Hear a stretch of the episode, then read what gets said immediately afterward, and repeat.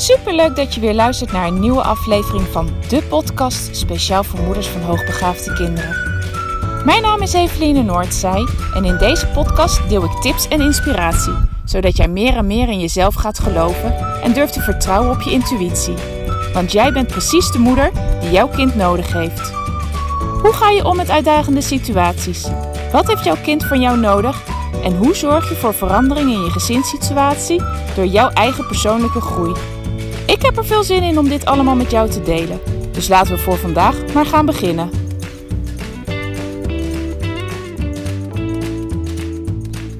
Ha, lieve luisteraar, welkom bij een nieuwe aflevering van de podcast speciaal voor moeders van hoogbegaafde kinderen. Nou, leuk dat je weer luistert. De afgelopen week zijn de kinderen in het uh, midden van het land alweer naar school gegaan. Die hebben er alweer een eerste week school op zitten. Als ik het goed heb, gaat het noorden aanstaande maandag alweer naar school. En daarna volgt het zuiden. Die hebben gelukkig nog heel even vakantie. Maar dat betekent dus dat het schooljaar weer is begonnen. En natuurlijk niet alleen voor de kinderen, maar ook uh, voor jou als moeder, als ouder.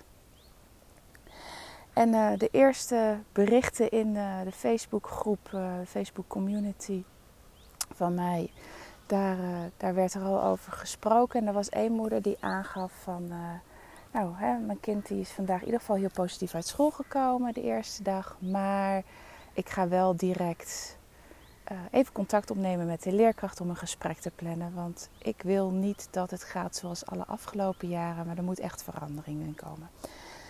Nou, supergoed, hè? proactief zijn. Uh, dat is iets waar ik eigenlijk altijd voor sta. Neem zelf het initiatief, wees zelf proactief. Ga zorgen dat jij je leven kan vormgeven voor jezelf, voor je kinderen, uh, zoals jij dat graag wil. En dat ja, dat creëer je alleen maar door zelf actie te gaan ondernemen. En niet afhankelijk te blijven van een ander. En in de, ja, de reactieve houding, hè? het reageren op hetgeen wat er gebeurt. Want dan, ja, dan ben je altijd net te laat. Dat proactieve, ja, op een proactieve manier bezig zijn, daar heb je de meeste kans dat je daarmee successen gaat behalen.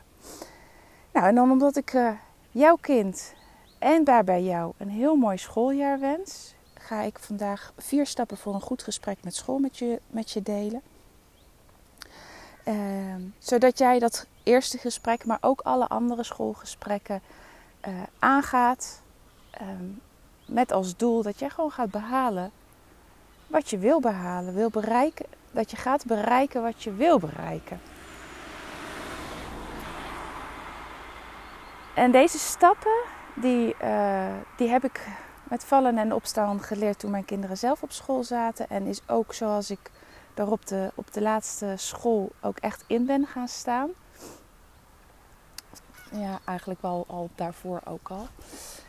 Um, en zoals ik het ook doe als ik samen met ouders uh, een schoolgesprek aanga. Want er zijn wel eens ouders die zeggen van... joh Eveline, uh, wil je met ons mee naar een schoolsgesprek? En tegenwoordig is dat veelal online.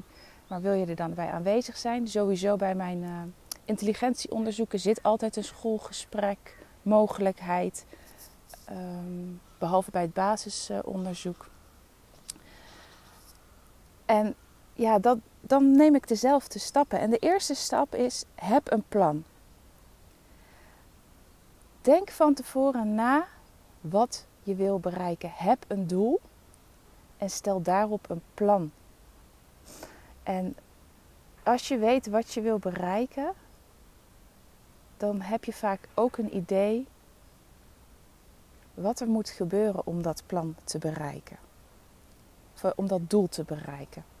Dus maak een concreet plan, zo concreet mogelijk. Hoe concreter jij het hebt, hoe duidelijker het voor de school is, hoe minder zij moeten interpreteren, hoe groter de kans is dat je je doel bereikt. En als je een plan opstelt, doe dat dan echt vanuit de behoeften van je kind. En ga hierin geen rekening houden met wat de leerkracht of de school mogelijk zou kunnen. En waarom benoem ik dat zo specifiek? Omdat ik heel vaak hoor van ouders: ja, maar de leerkracht heeft het al zo druk. Ja, maar de leerkracht heeft meer zorgkinderen. Ja, maar.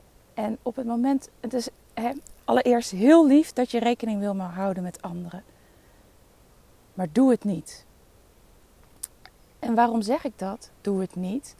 Omdat als je, gaat rekening, als je al rekening gaat houden met de leerkracht of met de school, wat ze mogelijk wel of niet zullen kunnen, dan zet je geen plan meer uit voor wat jouw kind nodig heeft, maar zet je een plan uit op basis van de leerkracht of op basis van wat de school biedt.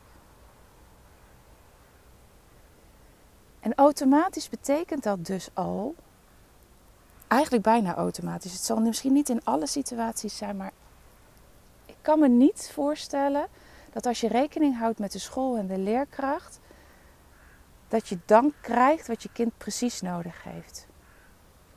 Vaak, als je op basis daarvan een plan opstelt, is het al minder dan wat jouw kind nodig heeft. Je zet dus eigenlijk al lager in. En op het moment dat jij lager inzet, ga je never, never nooit bereiken wat je daadwerkelijk wil. Dus dat is wel, tenminste voor mij altijd een belangrijke um, om het te realiseren. En uh, daar vanuit daar ook uh, te gaan handelen. Uh, maak je eigen plan. En het is ook de taak van de leerkracht en het is de taak van de school om aan te geven of ze iets wel of niet kunnen bereiken. Dat is niet jouw taak. Weet je, en op het moment dat de school vindt dat ze dat niet kunnen bereiken, dan zullen ze daar open en eerlijk over moeten zijn.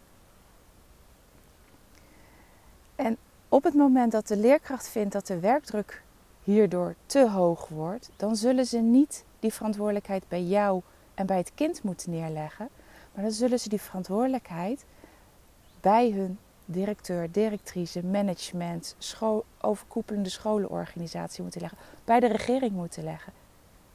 Daar gaat de verandering, vanuit daar gaat de verandering of kan de verandering komen als het gaat over werkdruk. En niet bij jou. Jij bent alleen verantwoordelijk voor jouw kind en niet voor de leerkracht. Die leerkracht heeft zijn eigen verantwoordelijkheid. En als die dat niet aan kan, wat er geboden moet gaan worden, omdat, om wat voor reden dan ook, dan zullen ze dat op een ander bordje moeten schrijven en niet op jouw bordje. En al helemaal niet de kosten moeten laten gaan van jouw kind. Nou, stap 2. Het daadwerkelijke gesprek hè, op basis van jouw uh, plan. Je, tenminste, onderdeel van jouw plan is het gesprek aangaan.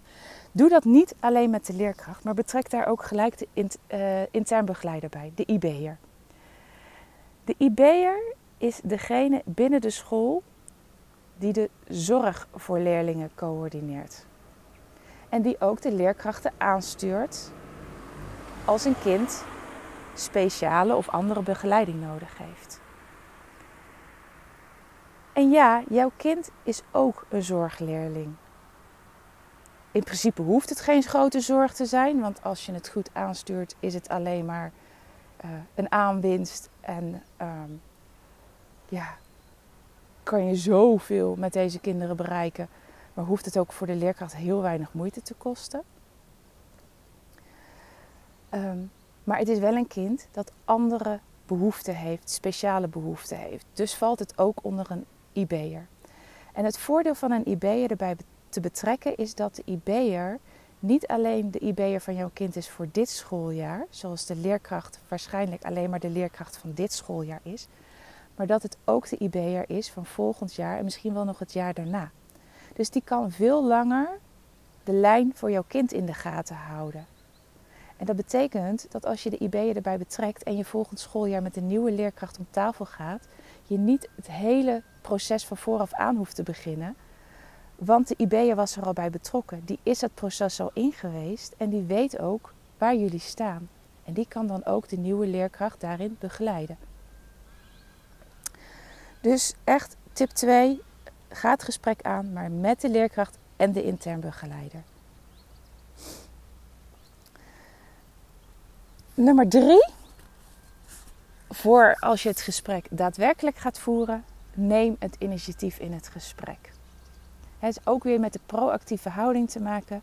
Ga niet wachten tot de leerkracht of de IB'er het gesprek uh, vorm gaat geven. Natuurlijk kan je even wachten tot de intern begeleider of de leerkracht zegt van nou, hè, we hebben met elkaar het gesprek. Het is niet zo dat jij direct in moet stappen, maar ga niet afwachtend zitten zijn tot het moment dat jij je tijd kan pakken. Want heel vaak heb je dan al een heel gesprek gevoerd. Want de leerkracht heeft dit gezien of heeft al dit geprobeerd. En voor je het weet, heb je een gesprek daarover en niet meer over jouw plan. Dus op het moment dat de, uh, ja, de introductie of nou ja, de eerste woorden van de intern begeleider of de leerkracht zijn geweest, neem dan ook het initiatief tot te zeggen van oké, luister, het is heel fijn dat we hier bij elkaar zijn. Dat waardeer ik heel erg, zeker aan het begin van het schooljaar.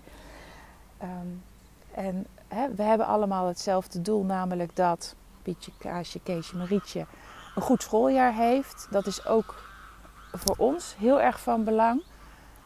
Um, en daarvoor hebben wij dus ook nog nagedacht. En wij uh, als ouders uh, vinden dat ons kind dit, dit of dit nodig heeft. Dus voorkom dat jouw gesprek, wat er misschien wel plaatsvindt op jouw initiatief, een hele andere wending gaat nemen en dat je niet toekomt tot het bespreekbaar maken van jouw plan.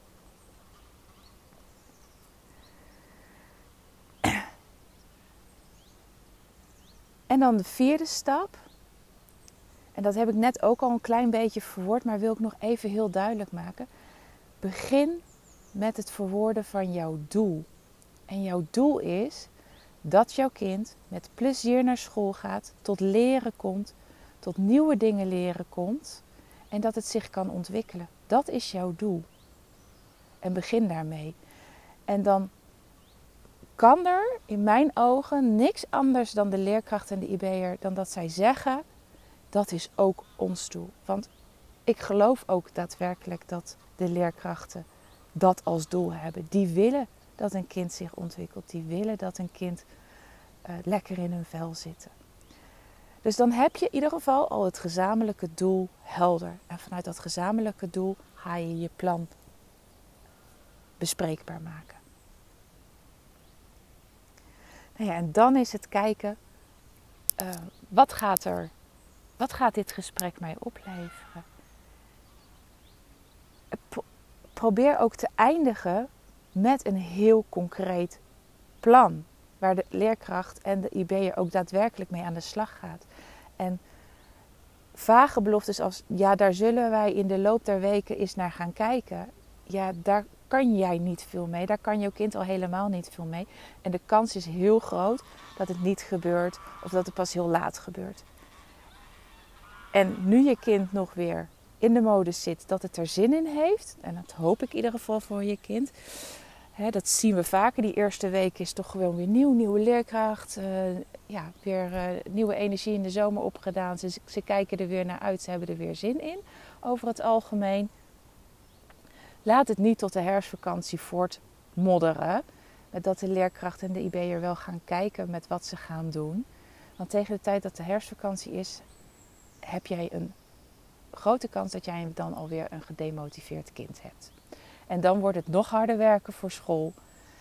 Um, met kans dat, het, dat ze dat niet meer zo goed op de rit krijgen. En als ze het niet meer zo goed op de rit krijgen, ja, dan loop je eigenlijk het hele schooljaar alweer achter de feiten aan.